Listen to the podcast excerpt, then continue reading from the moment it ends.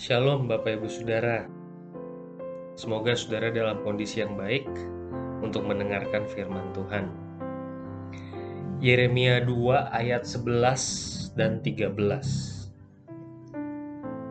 Pernahkah suatu bangsa menukarkan Allahnya meskipun itu sebenarnya bukan Allah?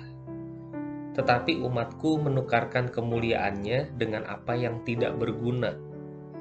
Sebab dua kali umatku berbuat jahat, mereka meninggalkan aku, sumber air yang hidup, untuk menggali kolam bagi mereka sendiri, yakni kolam yang bocor yang tidak dapat menahan air. Saudara, apakah Anda mengerti apa yang disampaikan di dalam bagian ini?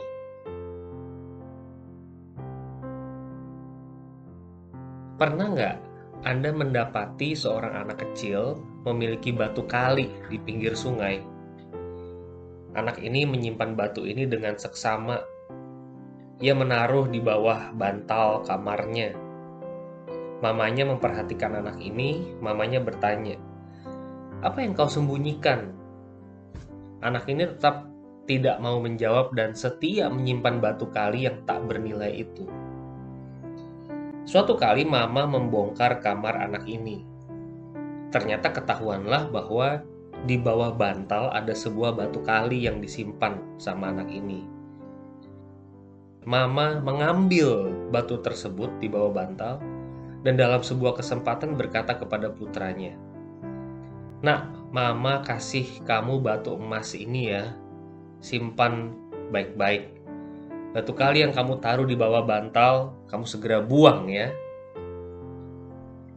Itu kotor, kotor sekali dari kali Anak itu segera membuang batu emas dan kembali ke kamarnya menggenggam erat-erat batu kali. Pernah dengar cerita begini? Bangsa Israel memiliki Allah yang sejati, emas. Tapi Israel justru menukarkan emas dengan batu kali. Sedangkan bangsa-bangsa lain yang memiliki batu kali sedemikian setia kepada sang batu kali yang tidak bernilai. Yeremia 2 mencatat dua kali bangsa Israel membuang emas.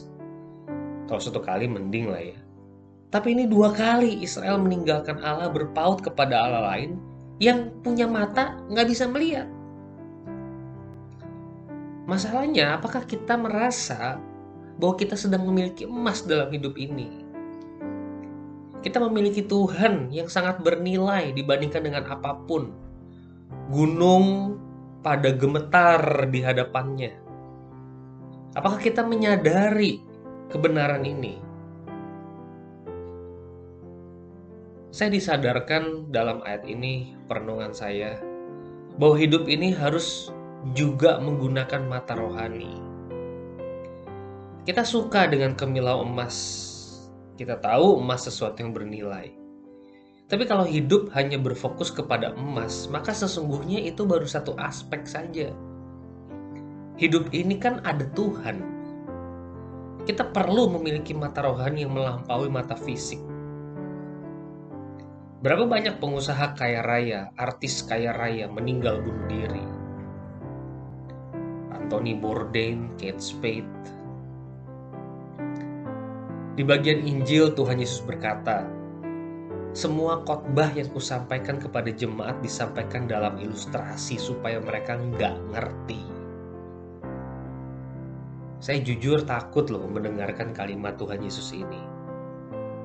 Orang itu bisa pinter secara akademik namun tidak memahami sebuah khotbah. Ini kan gila. Khotbah atau firman Tuhan bukan buku akademik yang bisa dipelajari dengan mata telanjang. Ia membutuhkan ketundukan kepada Allah. Bagaimana caranya memiliki mata rohani? Yeremia 3:13 berkata, "Hanya akuilah kesalahanmu bahwa engkau telah mendurhaka terhadap Tuhan Allahmu, telah melampiaskan cinta berahimu kepada orang-orang asing di bawah setiap pohon yang rimbun, dan tidak mendengarkan suaraku." Demikianlah firman Tuhan. Apakah kita mengakui bahwa kita bodoh secara rohani?